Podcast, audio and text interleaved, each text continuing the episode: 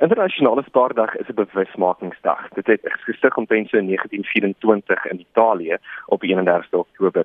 En dit was regtig om mense bewus te maak van wat is die belangrikheid om te spaar.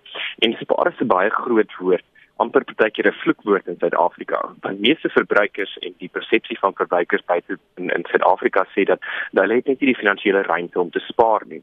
Die slim mense sê dat jy moet tussen 10 en 20% van jou netto inkomste per maand omtrent spaar nog voordat jy enigiets anders te betaal. Wat beteken as jy omtrent R20000 verdien, is dit tussen 2 en R4000 per maand wat jy moet wegsit in 'n spaarrekening. So spaar is ongelukkig verskriklik belangrik vir Suid-Afrikaners.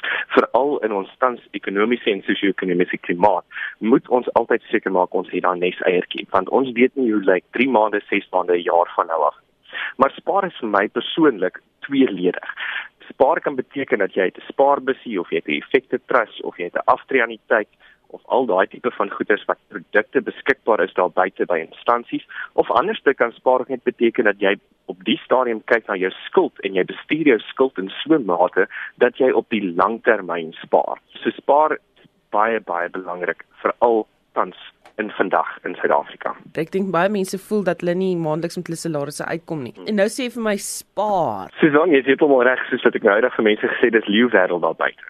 So die Suid-Afrikaner het nog altyd 'n tipe van 'n inherente gedeelte van hulle DNA wat altyd gaan oor oorlewing.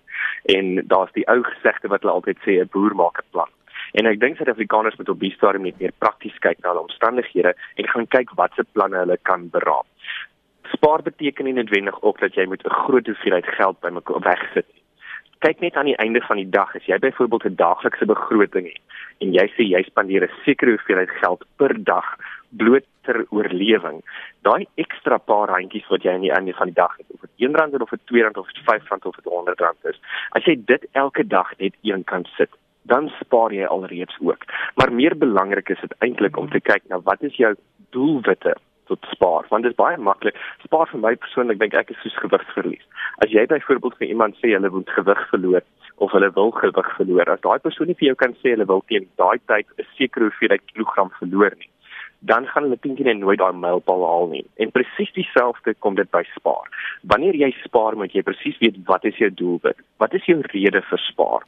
Hoeveel moet jy spaar om op die ou net daai doelwit te bereik? Kom ons gebruik 'n voorbeeld soos byvoorbeeld Kersfees. Dis om die draai.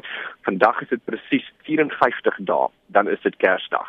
As jy byvoorbeeld moet spaar vir Kersgesente, weet jy daar is 54 dae oor. Jy het 'n begroting wat jy in oog het om vir Kersfees te spandeer op jou geskenke of op jou Kersfees ete. Wat moet ek elke dag spaar van vandag af as ek nog nie gespaar het? Jy sien, dis daai korttermyn doelwitte. Dan het ons mediumtermyn doelwitte en langtermyn doelwitte. So ons moet presies weet hoe kom ons spaar, want om net te sê ek spaar, ek spaar, beteken nie noodwendig dat ek aktief betrokke is by daai spaar.